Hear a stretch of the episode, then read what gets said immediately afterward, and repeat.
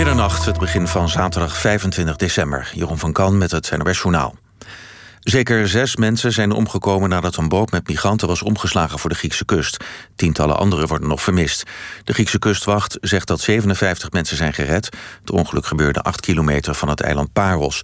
Volgens overlevenden waren er ongeveer 80 mensen aan boord van dat zeilschip voordat het kapseiste. Het is het derde ongeluk met een migrantenboot in drie dagen tijd in de Griekse wateren. Verschillende Europese landen hebben de afgelopen 24 uur een record aantal coronabesmettingen geregistreerd. In Italië werden ruim 50.000 nieuwe besmettingen gemeld, zo'n 6.000 meer dan gisteren. En in Frankrijk werden ruim 94.000 besmettingen gemeld, het hoogste aantal sinds de start van de pandemie. En ook in het Verenigd Koninkrijk blijft het aantal maar stijgen. Daar werden ruim 122.000 positieve tests gemeld. In Nederland zijn de afgelopen dag ruim 12.500 nieuwe positieve tests gemeld. En dat zijn er ruim 800 minder dan gisteren. Een onbekende dader heeft een molotovcocktail naar het Russische consulaat in de West-Oekraïnse stad Lviv gegooid. Niemand raakte gewond en volgens de Oekraïnse politie is het gebouw ook niet beschadigd geraakt. Het Russische ministerie van Buitenlandse Zaken spreekt van een terroristische daad. Het incident komt op een moment van hoog oplopende spanningen tussen de buurlanden. Volgens Oekraïense en Amerikaanse inlichtingendiensten is Rusland van plan om Oekraïne op korte termijn binnen te vallen, maar het Kremlin ontkent dat. Rond deze tijd gaat de top 2000 weer van start vanuit beeld en geluid in Hilversum. Wegens de coronamaatregelen ook dit jaar zonder publiek. Voor de volgers van de top 2000 is het geen verrassing dat Queen terug is op 1 met Bohemian Rhapsody en Danny Vera naar de tweede plaats heeft verdreven. Verrassend is nummer 3 Procol Harum met The Wider Shade of Pale. Veel mensen hebben daarop gestemd omdat dat het favoriete nummer was van Peter R. de. Het weer tot besluit temperaturen variëren van min 5 in Groningen tot plus 3 in het zuiden. Kan vannacht en morgen glad zijn in het noorden en midden van het land. In het zuiden blijft het boven nul, maar kan er wel wat sneeuw vallen. Dit was het NOS Journaal. NPO Radio 1. VPRO. Nooit meer slapen.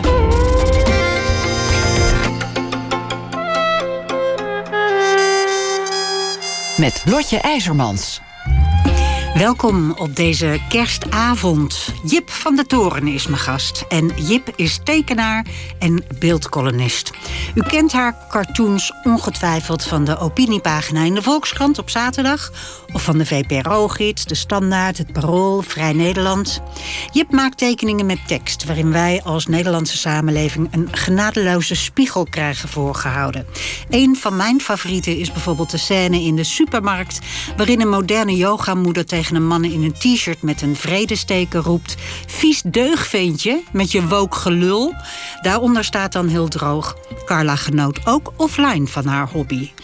Jip van der Toren is geboren in 1993. Haar werk was het afgelopen half jaar te zien in drie exposities. Ze woont het grootste deel van de tijd in Berlijn... en doet naast tekenen onder andere aan Mixed Martial Arts. Jip, Leuk dat je er bent. Ja, vind ik ook. Uh, Is het vaker dat mensen gewoon nog hele uh, tekeningen uit hun hoofd weten? Uh, ja. Zoals, zoals, ik nu, want ik vond die superleuk gewoon. Dankjewel. Um, nee, ja, best wel, um, best wel ja, soms. Um, maar ik, heb, ik woon ook voor een groot gedeelte in Berlijn... en daar heeft ja. niemand echt een idee wat ik doe. dus het is vaak als ik dan in Amsterdam ben... dat ik ineens denk... oh ja, mensen zien hier gewoon wat ik maak. Oh, dus, dus dat, is bijna eh, een nieuwe ervaring voor ja, je. Ja, dus dat vind ik altijd heel leuk. Ik denk, oh ja, het komt aan. Kun je mij, uh, hier is een, uh, ik heb wat, of de Gerben heeft wat geprint. Kun jij de bovenste, dat is de meest recente tekening van jou in de Volkskrant. Kun je die beschrijven? ja, dat is ehm, een bioscoop met mensen erin. En op het scherm onderaan staat horrorfilm anno 2021... En op het scherm zie je peuters uh, die allemaal walme corona hebben... en snotterige neuzen die dan een vrouw een, een kusje willen geven. Um, en de peuter die zegt kusje. En die vrouw die kijkt alsof het een soort horrorfilm is. Ja. Uh, helemaal bang. Of ze achterna wordt gezeten. Alsof ze achterna wordt door de dood. Ja. ja. En het is eigenlijk een vervolg, jouw horrorfilm, op uh, een horrorfilm uit uh, 2020, ja, toch? precies. Kun je die ook ja. beschrijven? Ja, dat is uh, een vrouw die ook als een soort horror kijkt, heel bang, naar twee tongende mensen die elkaar net ontmoet hebben. Ja. Um, dus dat was, en dat was in het begin van de pandemie dat we heel bang waren voor menselijk contact. Dat is nu volgens mij wel iets minder aan het worden. Ja. Um, maar dat was toen als je dan een film keek en mensen hadden elkaar net ontmoet en begonnen te zoenen, dan was dat echt het allerengste. Ja, toen was het echt nog zo dat je dacht van... oh, ze zijn heel dicht bij elkaar. Nu zijn we allemaal weer wat dichter bij elkaar. Ja, precies. alles. Nu worden we iets eh, recalcitranter wat dat betreft. Ja, maar eigenlijk teken jij altijd ehm, dat wat er gebeurt in het leven. Ja. Ja, ik probeer dat wel. ehm, of nou ja, iets wat me opvalt in die week. Of wat ik, Ja. wat ik eh, voel om me heen. Je noemt het beeldcolumns, hè? Ja. Waarom noem je het zo? Ehm, ja, omdat ik dacht, het leek me wel mooi omdat het niet, ehm, omdat het echt een column is. Omdat ik het eh, een, een soort mening of een manier van kijken wil laten zijn. En soms kan een cartoon, het, ik had het ook een cartoon kunnen noemen. Eh, ja, het was ook gewoon omdat ik het iets moest noemen. Maar ehm, ik, ik weet niet, ik heb, ik heb wel het gevoel dat misschien bij een column een mening of een andere idee, andere manier van kijken er meer in zit. En soms kan een cartoon ook het afbeelden zijn van wat er gewoon aan de hand is of zo. Dus, En, en dat doe jij niet? nou ja, misschien doe ik dat ook. Ik weet het eigenlijk niet heel goed waarom ik het gekozen heb. Ehm, ja, ja ik, ik weet niet. Ik weet ook niet precies of ik mezelf echt als een cartoonist zie. Of misschien meer als een columnist die gewoon tekent. Nou ja, nou, dat, dat lijkt me op zich een, een duidelijk verschil. Die, Ja. die, die hele column, of nee, niet columnisten, cartoonistenwereld is volgens mij een heel mannelijke wereld. Hè? Want heel veel Ja. mensen denken ook altijd dat jij een man bent. Ja, ja dat is heel, ehm, ja, heel grappig. Want ik ken natuurlijk Jip. Dus heel vaak... ehm, ook zeker als mensen boos zijn om een tekening... en ze komen er dan achter dat ik een vrouw ben... dan zeggen ze, oh, en het is ook nog een vrouw. Zeg maar zo. Is het dan nog erger? Ja, dan is het ook nog een soort seksistische opmerking erbij. Ehm, maar eh, nee, het is voornamelijk veel ehm, wat oudere mannen die het doen. En hoe wordt daar op jou gere- gereageerd? Heel goed, eigenlijk heel omarmend en heel eh, positief. Dus dat is wel, het zijn ook, eh, ik was laatst bij de Inkspotprijs. Eh, en dan komen de meeste cartoonisten uit Nederland die voor de dagbladen werken bij elkaar. Eh, en dat was eigenlijk was dat heel leuk om te zien dat er zoveel mensen met en dezelfde baan en dezelfde problemen zitten en zo. Maar dat is eigenlijk, word ik heel erg eh, geaccepteerd. Dus dat is wel heel leuk. Ja. En wat bespreek je dan met elkaar? Ehm, ja, vooral de, de druk of hoe je, hoe, je, hoe je je meningen verwoordt. Of hoe, eh, ja, over de politiek. Of hoe iedereen heeft natuurlijk dezelfde deadlines. En je moet heel snel tot een beeld of tot een nieuw idee komen. Terwijl je helemaal niet zoveel tijd hebt om het in te laten zinken. Hoeveel tijd heb je ongeveer per, eh, per tekening? Ehm, nou, ik heb ehm, dus elke zaterdag een tekening in de Volkskrant. Dan begin ik op maandag al een beetje te denken. Eh, en op donderdag moet ik een soort concreet idee hebben. En op vrijdag om twee uur moet het ingeleverd zijn. En dan staat het op zaterdag in de krant. Dus Ja. ei- eigenlijk ben je er gewoon een hele werkweek mee bezig. Ja, maar het, het broeit een beetje op de achtergrond. En ik ben ook niet heel... eh, ik ben best wel een soort van van het laatste moment achter. Dus het is wel dat Ja, ik heb de je een hele tijd- deadline nodig? zeg Ja, maar? wel vaak. Ik heb ook vaak dat ik het pas op donderdagavond of vrijdagochtend nog soort vloekend zit uit te werken. Terwijl ik denk, ja, ik had een hele week, weet je wel. Maar- Ja, en, eh, maar dan gaat het over eh, die dagen broeit het. Kun, Ja. je, kun je dat proces een beetje aan mij uitleggen hoe dat werkt? Heb je dan al wel bijvoorbeeld, ik wil commentaar geven op hoe we nu omgaan met kinderen die corona hebben? Hè, zoals zoals Ja. in de horrorfilm eh, die we net schetsten. Of heb je dan al wel een soort idee over wat het moet gaan worden? Na vaak meerdere ideeën of dingen die er spelen of zo. Want het is ook.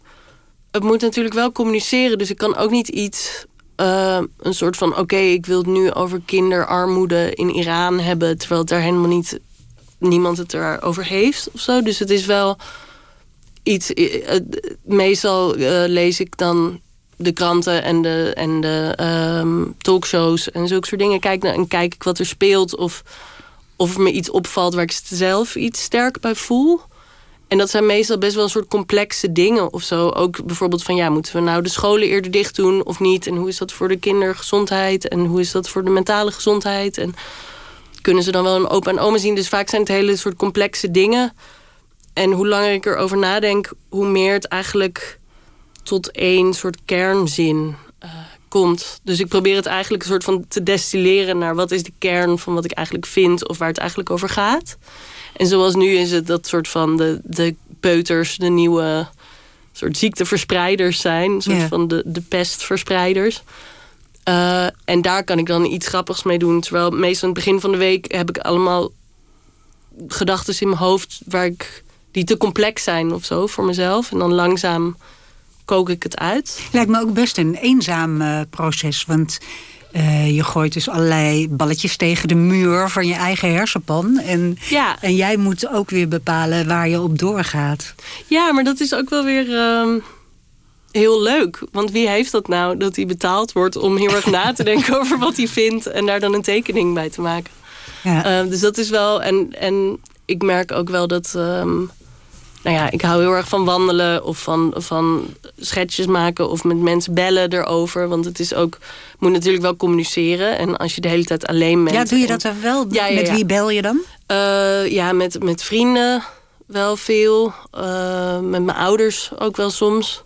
Om het gewoon een beetje te kijken hoe dat, eh, hoe dat valt. Ja, dus je bent eigenlijk de hele tijd aan het, ehm, ja, aan, het, aan het luisteren wat de echo van dat balletje is. Wat je zelf hebt opgegooid. Ja, precies. Of van, Ja. hey, is dit grappig? Of werkt dit? Of zeg maar, als je een stand-up comedian bent of zo... dan heb je meteen een reactie terug. Maar als ik niet, als ik niet goed oplet... dan ben ik allemaal ideeën aan het tekenen... waar niemand op zit te wachten, waar niemand over nadenkt. Ja, want Dus- wat, wat is de essentie van wat je doet eigenlijk? Want ik dacht, hè, ik zeg in mijn introductie geloof ik dat, dat, dat jij ons een spiegel voorhoudt. Maar is dat, wat, wat is je inzet, zeg maar?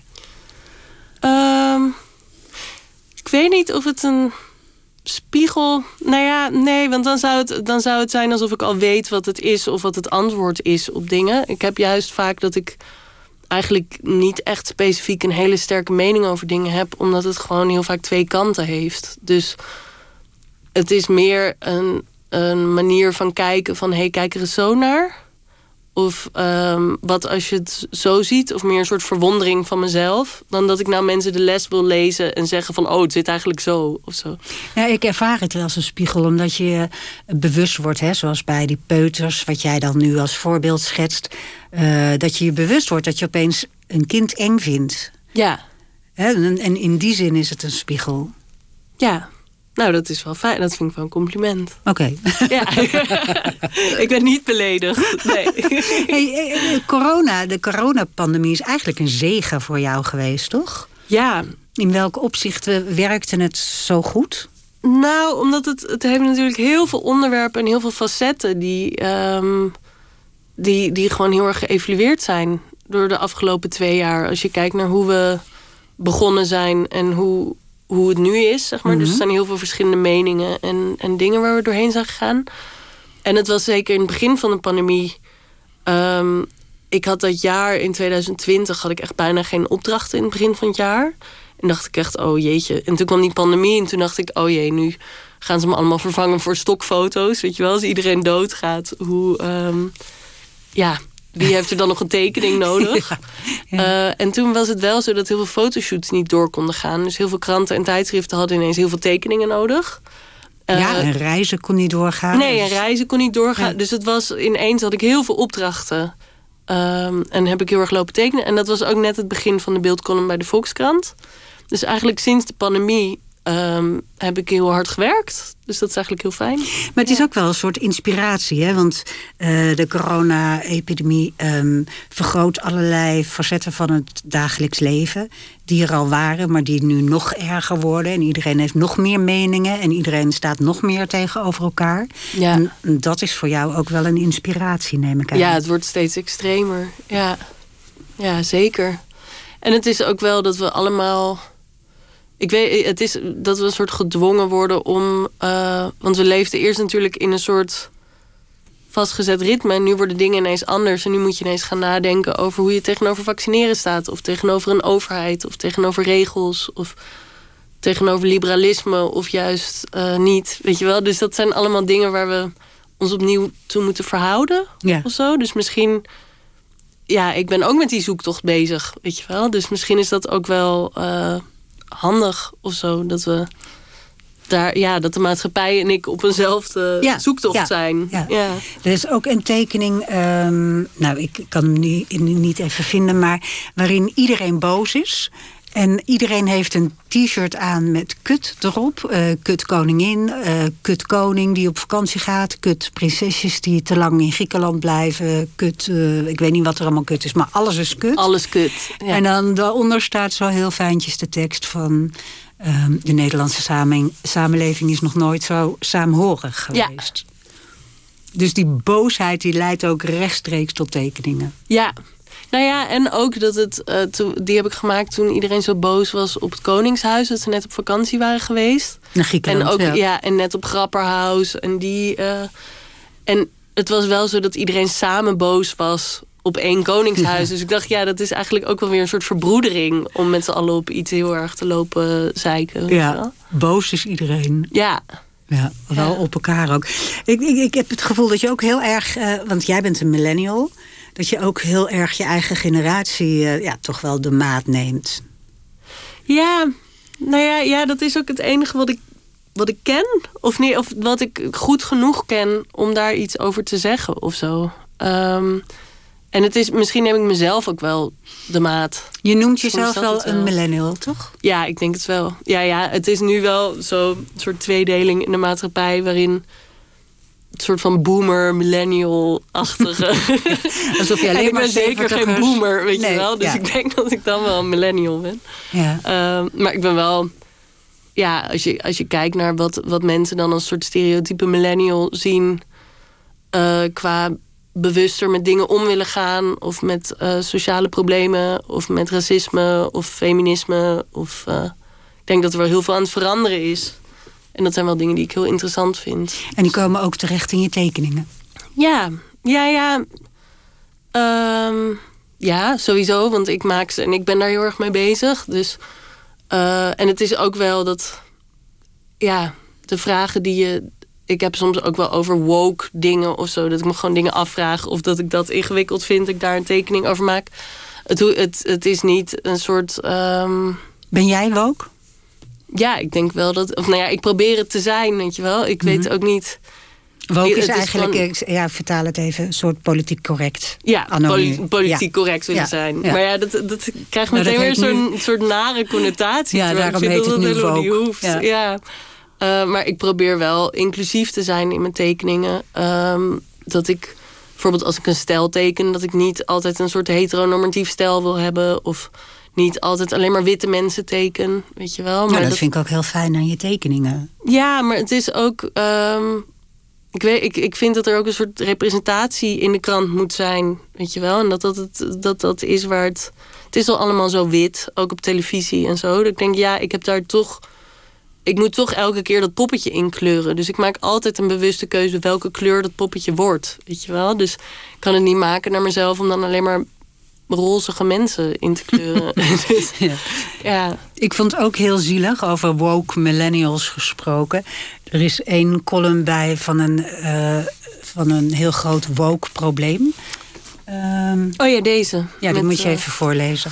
Ja, dat is een, ehm, een vrouw, eh, nou ja, ik denk een beetje mijn leeftijd, die ehm, eh, in bed ligt en eronder staat sinds Ank volledig woke door het leven wilde gaan, lag ze wakker. Eh, en dan staat er, eh, dan denkt ze, en dan denkt ze, mogen we nog wel Chinees afhalen? Of is dat cult- cultural appropriation? Of is dat juist goed? Shit, ik bedoel natuurlijk Chinees eten afhalen. Ja, je moet ontzettend op je woorden letten Ja. tegenwoordig. Ja, heel erg. Ja. En het is ook belangrijk om te doen. Ja, heel erg. En het is ook zelfs als je het goed wil doen. ehm, ik vind ook dat mensen vaak in een soort slachtofferschap van... oh, moeten we daar ook weer op letten? Of is dat ook weer... Terwijl, ehm, ja, het is gewoon een nieuwe... Aan alles raak je gewend, weet je wel? En je moet jezelf ook een beetje... ehm, ehm, hoe heet het? E- Educate yourself. Een beetje... ehm, Jezelf verbeteren. Verbeteren, ja. Ja. En leren. En eh, zien hoe je... En rekening met elkaar houden.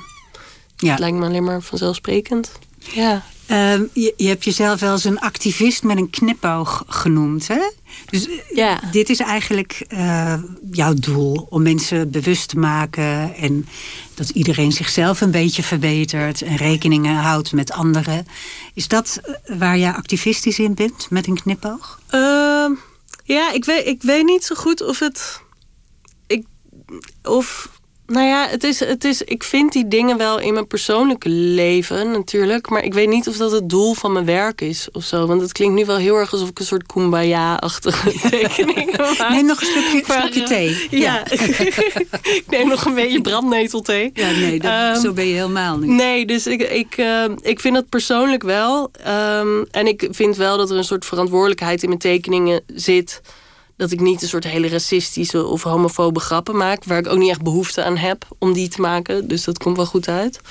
Ehm, maar ik wil eigenlijk gewoon een soort grappige kijk op de, op de maatschappij en op de samenleving geven. En ik, weet, ik heb er niet echt een politieke agenda bij of zo. Of een soort van Nou, niet politiek, so- maar... so- sociale agenda. Nee? Nee, ja, ik. Ik weet het niet. Er zijn ook soms tekeningen die juist. Zoals die woke-tekening, die zou ook anti-woke opgevat kunnen worden. Ja. Dus het, is, het ligt er ook maar aan hoe je. Weet je, dat- het zou ook als een soort millennial gezeur over kunnen komen. Dus ik, ik teken meer wat me, wat me verbijstert of wat ik grappig vind. Het is ook, ik moet elke week een tekening maken. Hè? Dus ik heb ook niet zoveel tijd om een soort. Het is meer dat ik denk: oké, ja, dit, is, dit vind ik nu. Speelt dit in mijn hoofd, maar ik heb nog niet tijd om dat te, te plaatsen of te zien. Ja, waar het dat is zit Niet, het is niet heel conceptueel of filosofisch. Het is gewoon wat jou op dat moment opvalt. Ja, precies. Ja. En dan later zie ik er wel een lijn in. Dat ik denk: oh ja, ik heb dat gemaakt en ik vind dit. Ja. Ehm, maar ik word ook vaak ja, een beetje overrompeld door wat ik maak of hoe het. ehm, ja. Komt het wel eens, eh, valt het wel eens helemaal verkeerd? Eh, ja, ik heb wel ehm, voor, de, eh, voor een Sinterklaas tekening. Heb ik wel eens, eh, toen was ik heel boos over, ehm, over het soort zwarte pieten, racistische stereotypen. En dat het er weer over ging en weer dat gezeik. En toen ehm, dacht ik, ja, als we dat bij een andere cultuur zouden doen. Als we een soort heel erg stereotype Joodse figuur zouden maken met een grote hoed op, een hele grote neu- nepneus, en diamanten gooiend Pijpenkrullen. pijpenkrullen, dan zouden we dat echt verschrikkelijk en heel onsmakelijk vinden. Dus ik dacht, wat nou als ik die onsmakelijke tekeningen maak? Weet je wel? En dat werd ook heel onsmakelijk. Ehm, en toen. ja, en er eh, stond iets onder van eh, oom Albert had een alternatief eh, ja, voor Zwarte precies. Piet. Had een Ja. alternatief voor Zwarte Piet bedacht. En in de hoek za- zat er een familie met een huilend kind van wat is dit? Weet je wel? Dus het was voor mij heel duidelijk dat dat gewoon echt niet kon. Ehm, maar nu, ehm, ja. Wat gebeurde er toen hij geplaatst werd? Eh, nou, toen dachten mensen dus dat het een soort advies was dat we nu allemaal als Joodse stereotypes eh, Sinterklaas moesten vieren. Wat natuurlijk helemaal niet de bedoeling was. Dus ik kreeg allemaal boze mails van Sidi en van andere mensen. Maar dat was eigenlijk heel interessant, want ehm, ik heb met heel veel mensen allemaal go- hele goede gesprekken gehad via de mail. Dus Eigenlijk. eh, jij kreeg haatmailtjes. ja, En, eh, en die waren soms anoniem en soms van Joodse organisaties. En daarmee ben je in gesprek gegaan. Ja, nou, als het echt zo was van... oh, je bent een, een nazi-hoer, je moet dood. dat, dat kreeg ik ook. Daar ga ik natuurlijk niet heel diep mee in gesprek. Nee. Maar er waren ook sommige mensen die echt wel interessante punten hadden. Zoals? Ehm, nou ja, zoals dat het in een, eh, in een krant staat. Wat natuurlijk al een heel beladen iets is. En dat het iets is wat je openslaat en je meteen ziet. En als je hele familie is uitgemoord in de oorlog... eh, dat je daar heel erg van schrikt. En dat je daar ook een verantwoordelijkheid voor hebt, bijvoorbeeld. En dat vond ik best wel een heel interessant punt. Dat ik dacht, oh ja, dat is ook zo. En toen heb ik ook ehm, met de- deze vrouw specifiek gemaild... van hoe zou jij dat dan doen? Want ik, volgens mij zijn we alle twee tegen racisme... en hebben we hetzelfde doel.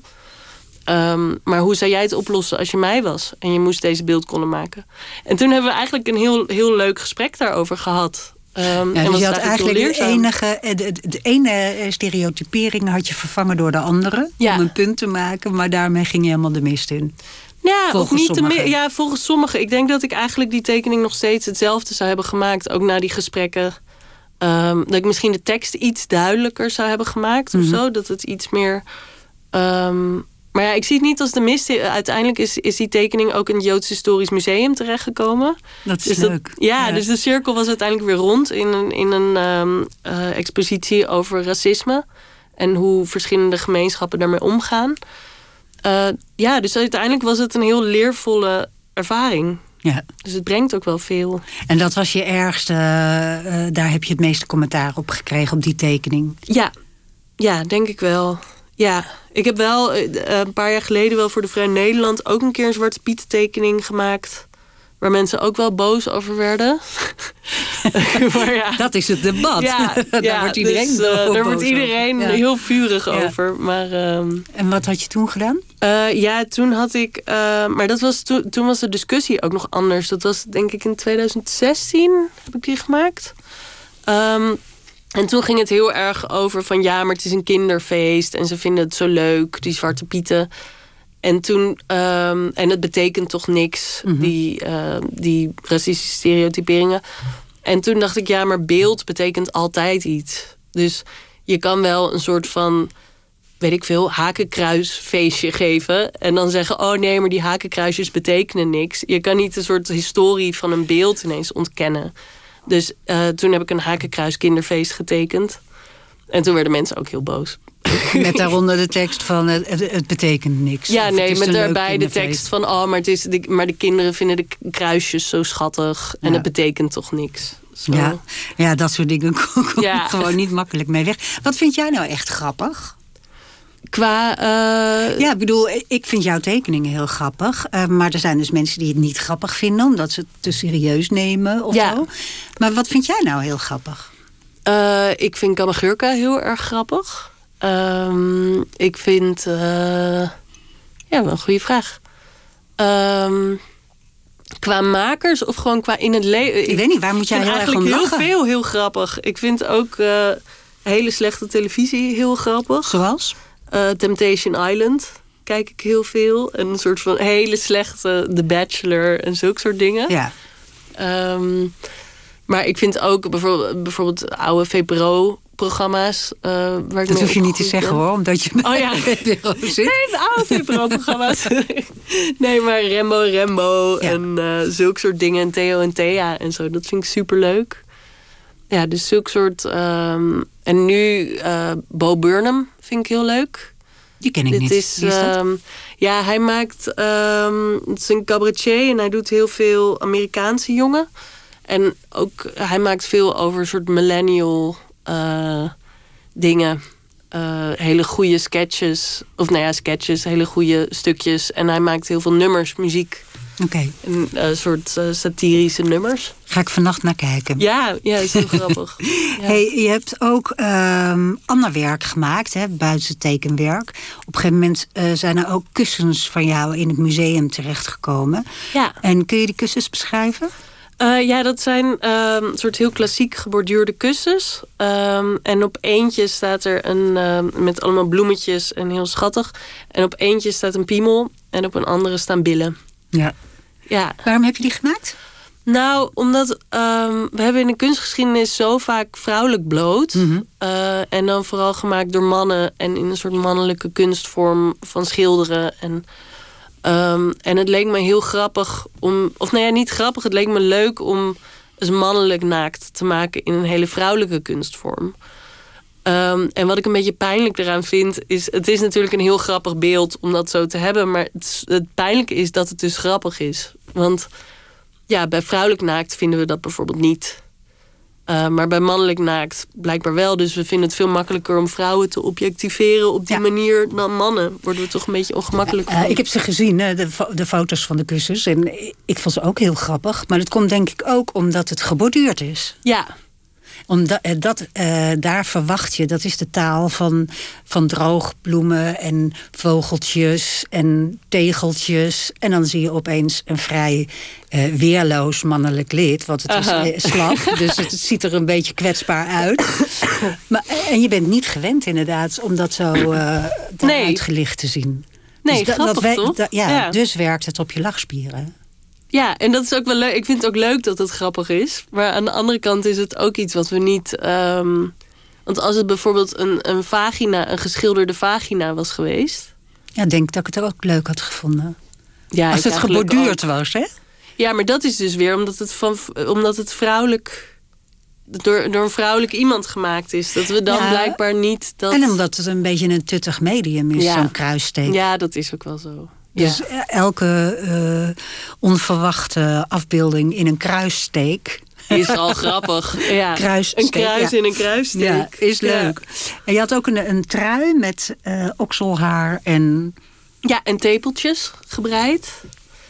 Eh, ja, dat was eigenlijk omdat ik ehm, een beetje zagrijnig ervan werd... Dat, dat je als vrouw altijd je tepels moet bedekken. Eh, zeker in de zomer als je allemaal hele zweterige gasten zonder shirt ziet. En dan Ja. bij vrouwen mag je blijkbaar niet eh, topless. Ja, vroeger wel, maar nu Vroeger wel, niet. ja. En nu is het weer heel, eh, heel erg niet. Dus eh, ik dacht, ja, ik, ik brei een, een blote mannenbovenlichaam trui. Dat je als vrouw alsnog met ontbloot bovenlijf over straat kan. Dus dat leek me heel grappig. En, en, en, en dat breien en borduren en zo, dat zijn eigenlijk media die je gebruikt om, omdat ze een extra laag toevoegen, Ja. neem ik aan.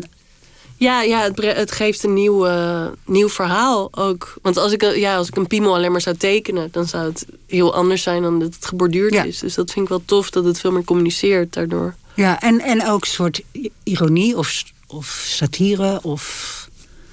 Het is een soort commentaar met humor. Ja. ja, en een soort omdraaiing van verwachtingen. Ja. Ik vertel even voor degene die eh, later is ingeschakeld... dat ik praat met Jip van den Toren, eh, beeldcolumnist, zal ik maar zeggen. Eh, je, bent, je bent de dochter van Dickie van den Toren, de acteur... de kleindochter van Kitty Jansen, de actrice... en de dochter van Pauline Barendrecht. Zij is een, een mode-iemand, hè? Jouw Ja. jouw moeder. En daarbij is ze onderwerp geweest in het boek van eh, Kim van Koten, Lieveling.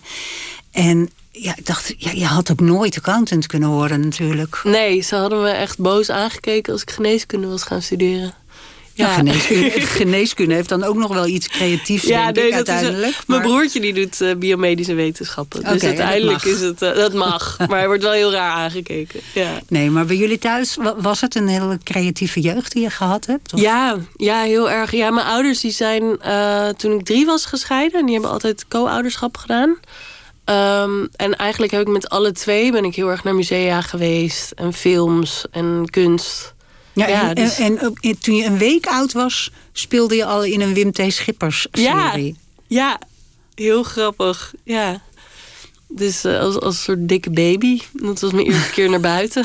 ja. Echt waar? Ja. Ja, je vader speelde natuurlijk, eh, hij is heel bekend geworden eigenlijk in die serie, toch? Of was hij al in eerdere series van Wim T. Schippers? Volgens mij in die serie. Ja, op zoek Ja. naar Jolanda. Ja. Ja, ja. En ehm, was je jeugd ook beschermd? Eh, ja, het was eigenlijk wel een goede mix. Ehm, ik had wel bij mijn, bij mijn moeder, die was wel heel beschermend. Ehm, Omdat ze natuurlijk zelf ook een heel verleden had, wat in het boek beschreven Ja. staat. En die wou het gewoon heel graag eh, gewoon goed doen. Ja, dus... eh, en mijn vader, die, ehm, ja, die, was, die was minder beschermd. Die was juist meer van gewoon als een volwassen persoon behandelen. En je maakt je eigen keuzes. En, ehm, maar op, op een liefdevolle manier. Maar gewoon ehm, niet heel betuttelend. Wat ook wel heel goed is, denk ik. Om zo op te voeden. Dus dat is wel een goede mix. Wat wilde je worden toen je klein was? Ehm, nou, ik had dus, ik moest er net aan denken dat. Ik weet nog dat ik in groep 8 een soort eh, zo'n gesprek had van naar de middelbare school gaan. en Zo, en ik toen met die juf een gesprek had dat ik graag accountant zou willen worden. Oh, Want echt? leek me zo overzichtelijk. ja. Dat is grappig. ja, dus dat heb ik. eh, maar dat heb ik maar een maand gedacht hoor. Maar ik, ik wou wel. eh, ik dacht altijd dat ik actrice wou worden eh, toen ik jong was. En ik ben eigenlijk heel blij dat ik dat niet, dat dat niet gelukt is. Ik heb wel overal auditie gedaan. Eh, maar afgewezen. En ik weet nog dat toen ik afgewezen was, dat het zo'n opluchting voelde. Omdat, En waarom wilde je het worden? Omdat je, omdat je vader acteur was? ja, omdat mijn vader acteur is. En ik ging altijd met hem mee. En dan zat ik in de, eh, in de coulissen. En dan kende ik al die teksten al uit mijn hoofd. Omdat ik die stukken zo vaak had gezien. En dan ehm, dacht ik, ja, ik wil daar op dat podium staan. Weet je wel? En En wat was dat dan, waardoor je dat leuk leek? na die, die adoratie of dat aanstaan en iets leveren en iets maken met mensen. En, maar uiteindelijk ben ik heel blij dat dat. ehm, ik weet, het, is ook, het lijkt me ook wel een heel heftig beroep waarvan ik niet zou weten of ik het zou kunnen. Omdat je, omdat je zo aan moet staan en zo op dat moment moet leveren. En wordt aangekeken op wie jij bent, omdat je gewoon je fysieke ik is je kunstvorm. En ik ben juist heel blij dat ik, ik kan aan iets pielen en heel lang het perfectioneren totdat ik het de wereld inbreng. En ook niemand weet dat ik het gemaakt heb. Nou ja, Ja. nu weten mensen wel dat ik het gemaakt heb. Maar ik Ja, bedoel, maar ik er sta er niet soort, bij als eh, mensen het bekijken. Weet Ja, er zit toch ook een, een soort anonimiteit bij. Ja, Ja, ik snap het wel, ja, die opluchting, eerlijk gezegd. Ja, maar je bent er eigenlijk wel vroeg, heb je waarschijnlijk geleerd om je eigen creativiteit serieus te nemen. ja, heel erg. Ja, en daar ben ik ook heel, heel dankbaar voor. Dat dat nooit een strijd is geweest eh, die ik heb moeten voeren. Ik heb En wat altijd- voor dingen deed je die creatief waren? Ehm, ja, heel veel. Ik heb heel veel boekjes gehad, heel veel schrijven. Ehm, heel veel eh, lezen ook, tekenen ook wel. Eh, Ook wel. Ook wel, ja. Eh, en toneelstukjes maken en dingen doen. Ik heb altijd wel... eh, maar een soort halve projecten. Ik had ook niet... Ik heb niet zo'n hele goede spanningsboog, ook wat dat betreft. Meestal was het dan een soort drie bladzijden van een nieuw boek schrijven. Oh ja. zo? En dan lag het een jaar in de kast en dan anders. moest Ja, er een nieuw boek komen. Ja. ja, ja, ik snap het. Ja. Ja. Hey, en ehm, je bent naar de HKU gegaan, de kunstacademie in, in Utrecht. Daar heb je les gehad van onder andere Paul Vase, ook Ja. een eh, hele leuke tekenaar. Wat, wat heb je daar geleerd op die HKU, op die kunstacademie? Ehm, ja, eigenlijk heel erg eh, kijken. En ehm, zien hoe een beeld communiceert. En of het communiceert wat je eigenlijk wil vertellen. En daar heb ik nu eigenlijk ook heel veel aan. Ehm, omdat er zijn zoveel manieren waarop je... Ja, waarop je een beeld kan laten spreken. En zeker omdat het maar één beeld is... moet het eh, wel duidelijk zijn. Want het kan al heel snel misgeïnterpreteerd worden. Dus eigenlijk als ik nu terugdenk aan die tijd... dan herinner ik me alleen maar een soort hele lange lessen... waarin we iedereen's werk heel erg zaten te analyseren... en te bekijken wat het eigenlijk zegt... en of het zegt wat je wil zeggen. Lekker luxe lijkt me dat, hè, om, om daar een keer vier jaar aan te mogen besteden. Ja, Hoe je dat, enorm. dat- ja. maar het was ook wel heftige... Het was wel... Ik, weet, ik wist ook totaal nog niet wat ik daarna zou moeten worden... of wat ik wou maken of wie ik, wie ik was. Nou ja, dat weet natuurlijk niemand. Zeker niet begin twintig. Maar, eh, maar ik, ik vond het wel een soort existentiële, heftige jaren. Omdat je, je wordt zo erg ge- gedwongen om op jezelf te focussen... terwijl je eigenlijk nog helemaal niet weet wie je zelf bent. Weet je wel? Weet je het nu wel? Nee, ook niet. Maar, maar misschien Ja. niet. Misschien wel, ja, ik, weet, ik vind dit wel een leuke leeftijd om in te zitten of zo. 27 ben je, hè? 28. Ja. Ja, want ik, heb, ik weet nu onderhand wel een beetje wat ik aan het doen ben... of wat ik wel of niet leuk vind of zo. Of ja, wat voor mensen ik leuk vind of wat voor dingen ik wil doen. Ik heb nog geen kinderen. Ehm, ik heb een hele leuke baan die ik leuk vind. Dus ik, heb, ja, ik voel wel een soort vrijheid. En ik vond begin twintig echt verschrikkelijk. Nou, het is heel moeilijk dat je dan eh, je identiteit moet vormen en moet bepalen wie je eigenlijk wel bent en niet. Ja, precies. Ten opzichte van wie je had willen zijn in je stoutste dromen, bijvoorbeeld. Ja, en je weet ook nog helemaal niet wat voor baan je uiteindelijk gaat worden, eh, Ja. gaat doen. Of wat voor, En je eh, stijl, wanneer vond je je stijl? Want ik, ik zie gelijk of een tekening van jou is. eh, eh, Oh, dat lijkt mij. Ja, ik, weet, Ja. ik, ik heb het nooit uitgeprobeerd, maar ik vind dat je een heel herkenbare stijl hebt. Wanneer heb je die gevonden? Ehm, ja, ik denk in het laatste jaar van de academie dat dat een beetje kwam. Ja, Want dat lijkt me ook heel moeilijk, want daarmee on- onderscheid jij je van al die andere tekenaars. ja precies. Ja. Nee, dus dat is. Maar en uiteindelijk was dat omdat ik. Het is ook niet dat ik bewust een soort van denk: dit is wel mijn stijl of niet mijn stijl. Dit is gewoon de enige manier waarop ik kan tekenen. dat is ook. Het is Wat is het moeilijkste om te tekenen? Ehm, ja, sowieso wel eh, portretten. Maar je doet alleen maar. Ja, wel, ja, dus, maar dat is wel heel erg gepiel of zo. Ik ben altijd heel blij als er een zee in zit of een berg. Dan kan je gewoon een beetje krassen.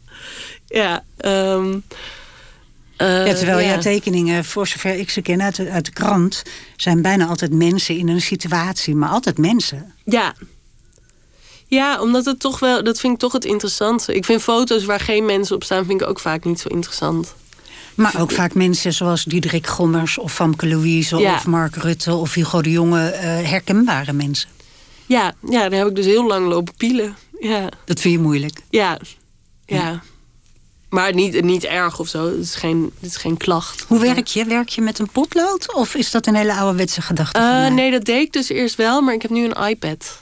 Ehm, dus ik doe nu, eh, ja, het is een iPad Pro en daarop kan je ook tekenen. En ik heb Teken je dan met een pennetje? Ja, met een pen erop, met een soort ja, digitale pen, zeg maar zo. En, Dus, ehm, eh, ja, sorry hoor. Nee, nee. dus het is een soort eh, digitale potloodtekening. Ja. Ja. Ja. precies. En ik deed het dus eerst allemaal wel in het echt. En dan scande ik het in. Dan had ik een computer nodig om dan weer op de computer te doen. En zo. En nu heb ik dus die iPad. En dat is één zo'n dun ding. En die neem ik overal mee naartoe. En eh, dat is het. Dus ik kan ook in de trein werken. Daarom is het ook zo makkelijk om in Berlijn te wonen. En dan weer in Amsterdam te zijn. En Maar als jij in Berlijn woont, hè, want daar woon je eh, het grootste deel van de tijd. ja. Dan krijg je niet op iedere straathoek mee wat er hier in Nederland leeft. En dat heb je eigenlijk wel nodig om je tekeningen te maken. Ja, maar dat valt dus. Dat dacht ik Hoe in het begin dat? dus ook. Toen ik daar naartoe ging. Ik dacht, oh jee, hoe zal dat zijn? Maar uiteindelijk hoor je nooit in de Albert Heijn wat er aan de hand is of zo in de wereld. Toch? Dat heb je nee, toch maar je ziet dan wel opeens en dat in- niemand zijn mondkapje meer op heeft. Of juist wel. Of Ja. hè, dat soort dingen. Ja, dat is wel. Ik ben ook wel veel in Amsterdam. Dus ik heb ook niet Mhm. het gevoel alsof ik. En alsof ik de, de connectie daarmee verlies of zo. Ehm, en ik heb ook. Ik, ik eh, hou wel alle televisie en alle kranten en al die dingen bij. Alle Nederlandse... Ja, eh, alle Nederlandse media zit ik helemaal in. Eh, en waar kijk je dan naar? niet. Naar alle Dus, eh, talkshows op één? En, ja, en ja, ja. Bo of Eva? En, ja, de hele rambam. Zeker als ik aan het tekenen ben, dan staat het achterop op. En dan eh, is dat het. En, en ik bel heel vaak met, met mensen en met vrienden en zo. Dus ik heb wel het gevoel... Ja, aan de andere kant weet ik ook niet... Er is natuurlijk ook een verschil of je in Zaltbommel woont of in Amsterdam. Mhm. Dan heb je ook weer een andere beleving. Dus uiteindelijk heb je is het altijd vanuit de bubbel waarin je zit. En waarom heb je Berlijn gekozen? Ehm, ja, eigenlijk omdat ik wel klaar was voor een soort nieuwe plek of zo. Ook omdat ik geboren en getogen was in Amsterdam. En ehm, mijn toenmalige vriend wou er heel graag naartoe om muziek te gaan maken. Wat heel veel mensen willen die naar Berlijn gaan. Eh, en ik dacht, ja, fuck it, laten we ervoor gaan. Ehm, dus toen ben ik, zijn we daar naartoe verhuisd. En gewoon om te kijken hoe het is en zo. En ik ben er eigenlijk wel heel blij. En ik ben ook wel nu veel hier. Ik denk dat ik iets van een derde van de tijd hier ben. En wat, daar. wat biedt het je? Ehm, heel veel vrijheid eigenlijk. Ik merk wel dat ik... Ik vind Amsterdam best wel burgerlijk geworden.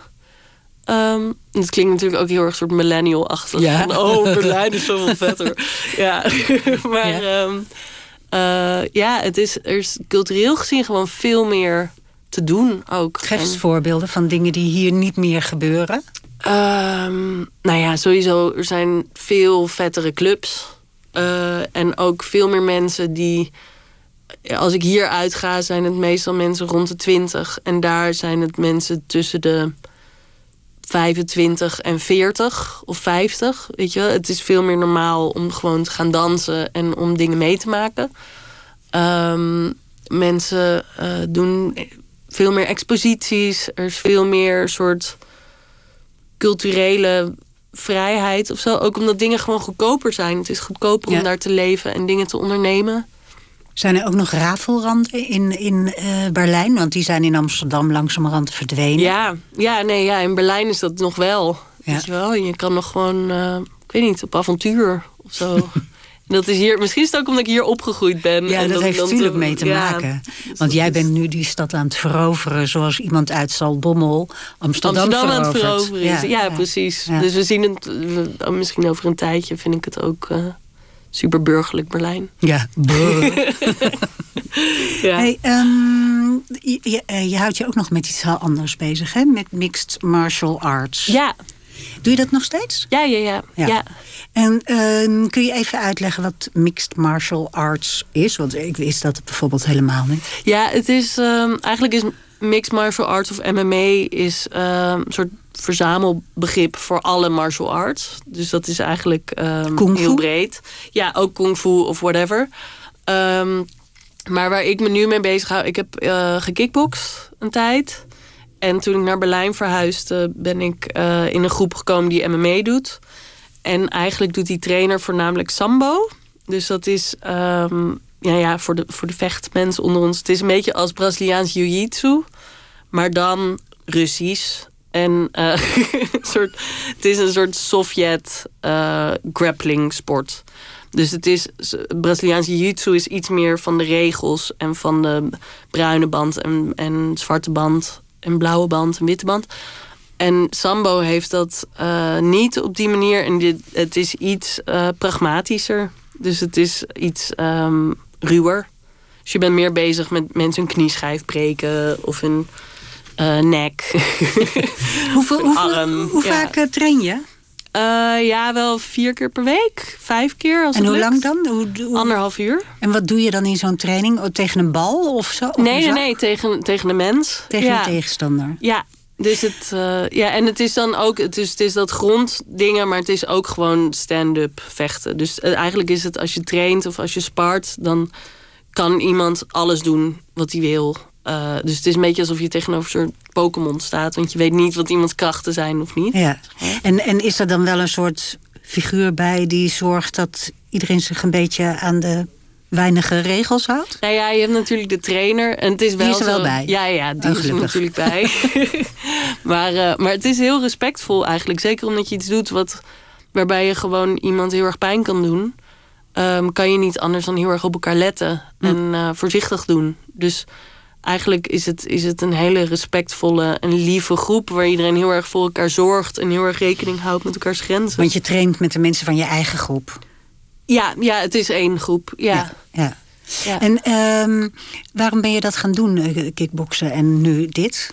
Um, ja, omdat ik... ik um, ja, eigenlijk wou ik het gewoon een keer proberen. En toen merkte ik dat, ik, uh, dat het heel veel voor me deed. Wat dan? Nou, omdat het helpt heel erg. Sowieso bewegen helpt me heel erg. En ook dat soort.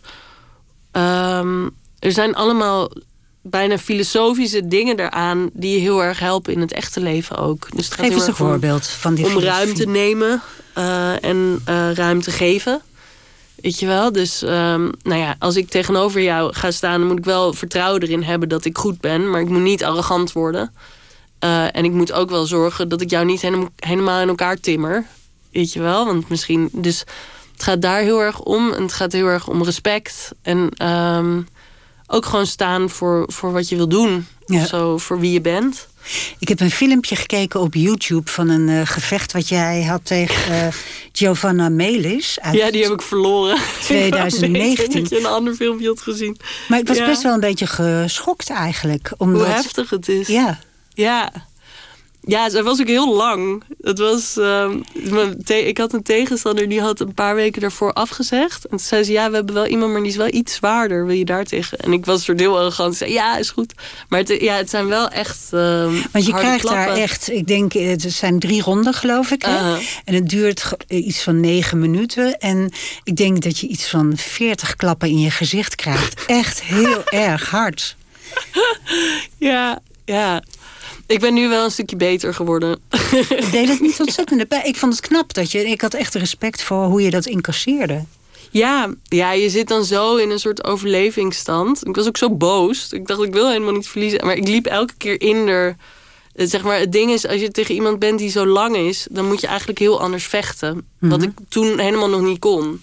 Dus ik liep de hele tijd in er klap. Omdat als iemands armen langer zijn, dan raakte hij gewoon steeds eerder. En hoe bozer ik werd, hoe meer ik in haar klappen. Ja, en zij speelde liep. heel erg op jouw hoofd, echt. Ja, ja. En jij speelde meer op haar lichaam. Ja, ja. Klopt dat? Nou ja, ja ik, weet, ik weet het. Het is ook best wel lang geleden alweer. Maar ja, het was... Um, ja, ik, ik probeerde heel erg die lange benen te trappen.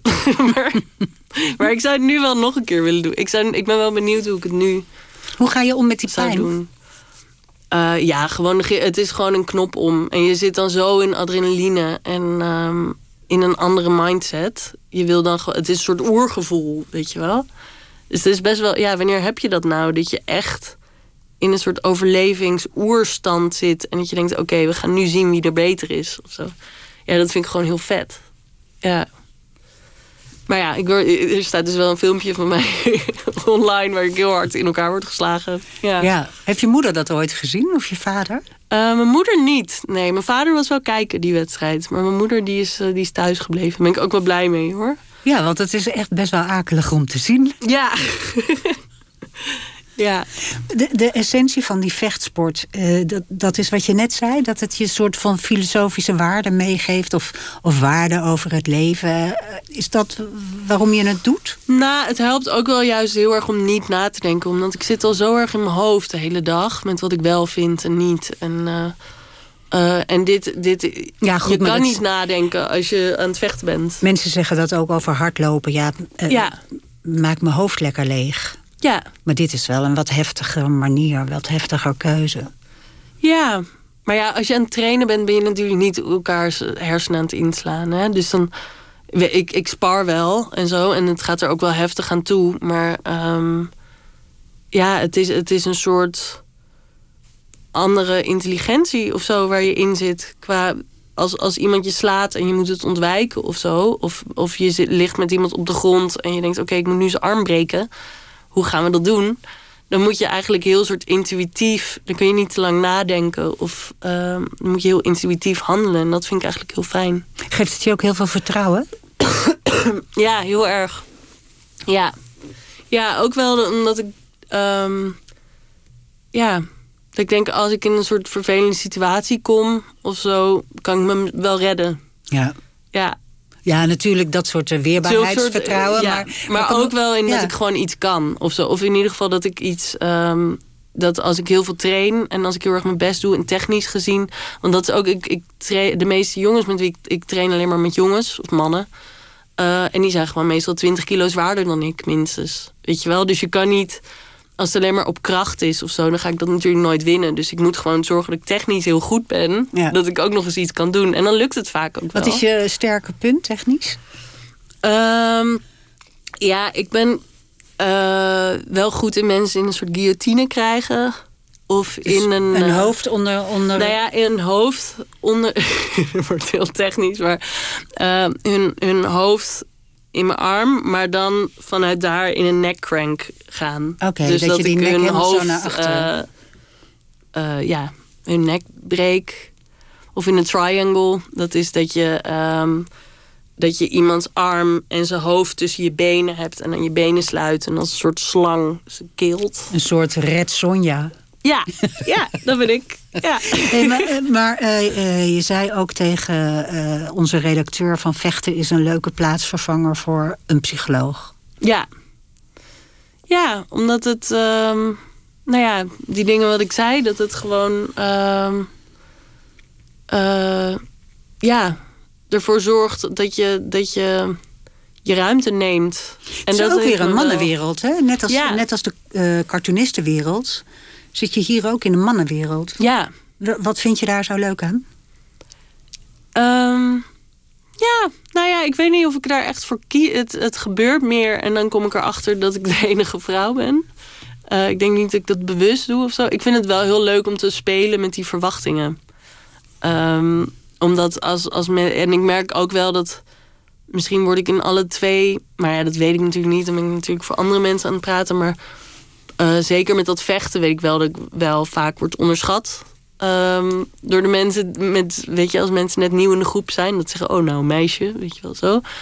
Eh, en ik denk dat als je onderschat wordt, dat je dat eigenlijk heel goed eh, voor je eigen gewin kan gebruiken. Ja, kan benutten. Ja. Ja. dus ik vind het helemaal niet zo erg om onderschat te worden. Het is wel erg dat ik onderschat word. Dat zou eigenlijk niet moeten. Maar als het dan toch gebeurt, dan eh, kan ik ze wel terugpakken. Heb je vrouwelijke voorbeelden in het leven Ehm, of in de vechtsport? Ja, ik ehm, eh, vind Lina Dunham heel erg leuk. De actrice en eh, ja. schrijfster van eh, en- Girls. Ja, ja, ik vond haar heel tof. Wat, wat was het aan haar wat, wat, wat jou zo aansprak? Ehm, nou, eigenlijk omdat toen, toen Girls net uitkwam, dacht ik, jezus, wat een aanstellers of zo. Maar eigenlijk was het omdat ze nog voor de tijd. Of ik misschien Mhm. achterliep in de tijd, weet je wel. Maar ik vond het zo'n bevrijding dat Een het serie gewoon- over, over hoe eh, meisjes eh, hun seksualiteit beleven Ja. in New York eh, in de jaren vijf jaar geleden of zo. tien, denk ik wel. Ja, ja, ehm, ik vind het gewoon zo'n bevrijding of zo. Want daarvoor kende ik alleen maar Sex in the City. En als ik dat nu terugkijk, dan denk ik... Jezus, wat, wat een vervelende vrouwen allemaal... die over stomme dingen lopen te zeuren. Ehm, En ik vond dit, dit was Girls eigenlijk... is wat realistischer. ook. Ja, veel realistischer en grappiger en viezer. En veel meer hoe gewoon de, de echte wereld is. Ja. Weet je wel? En dat vond ik best wel een bevrijding. Ik dacht, ja. En ook verschillende lichamen en eh, vetrollen. En Ja, zij is zelf een beetje mollig, maar Ja. op een, op een hele op een prachtige manier. Ja, precies. Ja. Dus eh, ehm, ja, ik zit, zit proberen in mijn hoofd een connectie te maken tussen Lena Dunham en, jou, en jouw positie in, in het vechten. Of In het vechten. of nee, ja, in, qua eh, de vechten is, eh is ehm, Valerie ehm Loureda. Ik weet niet of je haar kent. Nee, nee. nee. nee joh. Maar zij is, eh, je moet haar maar een keer opzoeken. Zij is ook heel vet. Zij is ehm, eh, MMA-vechtster, maar zij is ook heel erg eh, met haar seksualiteit en gewoon super sexy. Dus soms dan slaat ze iemand en dan heeft ze een knock-out gedaan en dan begint ze heel hot te dansen. En dan- ja, dus het is, eh, speelt heel erg met die ehm, Doe jij dat ook? verwachtingen. Ga je mooi opgemaakte ring in? Eh, nou, ik heb het wel eens gedaan omdat er ook een fotograaf kwam. Toen dacht ik, ja, doei, ik moet er wel een beetje leuk uitzien. Maar dat werkt een beetje averechts, omdat als je dan geslagen wordt en je zweet, dan zie je, dan word je alleen maar lelijker. Dus dat was niet zo slim. Ja. Hey, ehm, het lijkt wel alsof je ook steeds eh, denkt van... Hè, ik ga naar Berlijn, hup, ik doe het gewoon... en eh, ik ga eh, vechten. Ik weet nu al niet meer wat het was. Braziliaanse jiu-jitsu. Eh, sambo. Sambo. Maar het lijkt op Ja. Braziliaanse niet. Eh, nou, dan doe ik dat gewoon, ook al heb ik alleen maar gekickboxd. Je, je bent wel iemand die makkelijk eh, in het diepe springt. Ja. Ja, ik denk ook dat, ik het, dat het meer met een soort ehm, naïviteit te maken heeft... dan met een soort doordacht plan of zo. Ja. Ik heb ook vaak niet echt door dat het het diepe is tot ik erin zit. En dan denk ik, oh shit. En dan... Want je gaat nu weer iets nieuws doen, hè, de komende, het komende Ja. jaar. Ja, ik ga voor Dit Was Het Nieuws eh, in de redactie zitten. Wat ja. betekent dat? Want je schreef al wel eens mee hè, aan Dit Ja. Was Het Nieuws. Ja, ik schreef al grappen eh, voor ze. En, eh, en nu ga ik echt zeg maar in de redactie dus schrijven wat er in het programma komt en ideeën bedenken en wat voor En dan ga jij de tekstjes dingen. voor, voor Har- Harm... Hoe heet hij nou? Harm Edens. Edens. Ja, ja dat, is, dat, dat deed ik dus al wel als, als grappenschrijver, zeg maar. En nu is het en die tekstjes en ehm, nou ja, gewoon wat er in het programma, wat, wat we gaan zien. Alles vanaf. eh, ja, dus ook daar moet je gewoon eh, continu alle antennes aan hebben staan... voor wat er gebeurt die Ja. week. Ja, dus heel leuk. Maar uiteindelijk is het ook, het voelt niet echt als, een heel, als iets heel anders dan een tekening maken eigenlijk. Nou, behalve dat het tekst is. Ja, dat de tekst is. ja. maar uiteindelijk gaat het toch om de gedachte die erachter zit. Meer dan. Ik heb vaak ook met een tekening maken dat ik ben langer bezig met nadenken. En dan denk ik op het einde van oké, nu weet ik wat, wat ik wil zeggen en hoe shit ik moet nog gaan tekenen. Weet je wel? En dat is nu ook, uit- uiteindelijk is alleen maar de uitkomst is dat ik het dan in tekst moet maken en niet hoef te tekenen. En is dat ook niet een mannenwereld? Ja, ook wel een beetje. Ja. Ik weet niet hoe ik, er, eh, hoe ik erin terecht kom. ik heb wel eens gehoord van tekstschrijvers van Dit Was Het Nieuws... dat ze dan gewoon een onderwerpje krijgen... en een, een dag krijgen om zoveel mogelijk leuke grappen te verzinnen. Ja, En dan worden gewoon de beste uitgekozen. Dus de helft wordt ook weer in de prullenbak. Ja. En ga jij dat dan nu kiezen als redacteur? Eh, ja, met z'n allen een beetje. Ja, het is een heel proces ehm, van, van wat er wel in komt en niet op zo'n dag. eh, op zo'n mon- montagedag. Ehm, maar ja, dat, dat kiezen we wel met de redactie. Ja, Leuk man. ja heel Ja. spannend. Nieuw avontuur. En, en het einddoel voor dit alles? Wat is je grote droom? Ehm, ja, ik heb.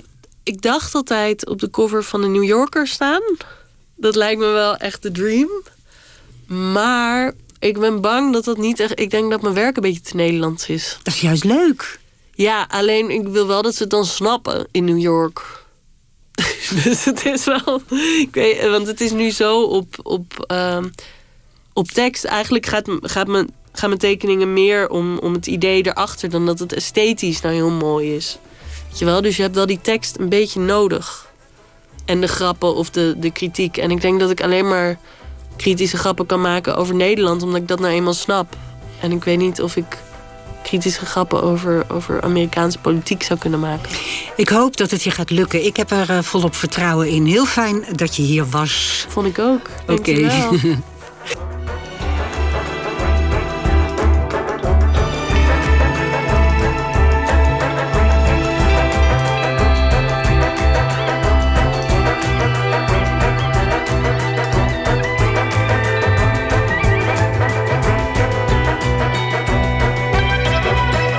NPO Radio 1. Wie luistert, weet meer. NPO Radio 1. Het is